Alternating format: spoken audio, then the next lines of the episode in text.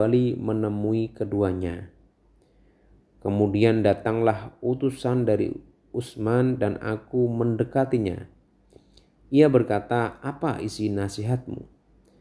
Aku katakan, "Sesungguhnya Allah Subhanahu wa taala telah mengurus Nabi Muhammad Shallallahu alaihi wasallam dengan membawa kebenaran serta menurunkan kitab kepada beliau sedang kamu adalah salah seorang yang memenuhi panggilan Allah dan Rasulnya Shallallahu Alaihi Wasallam.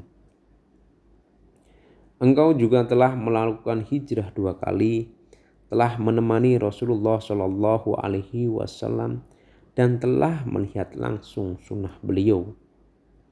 Lihatlah masyarakat sedang sibuk membicarakan tentang kasus Al-Walid. Ia berkata, apakah engkau sempat menemui Rasulullah? Aku jawab, tidak, tetapi ilmu beliau yang murni telah sampai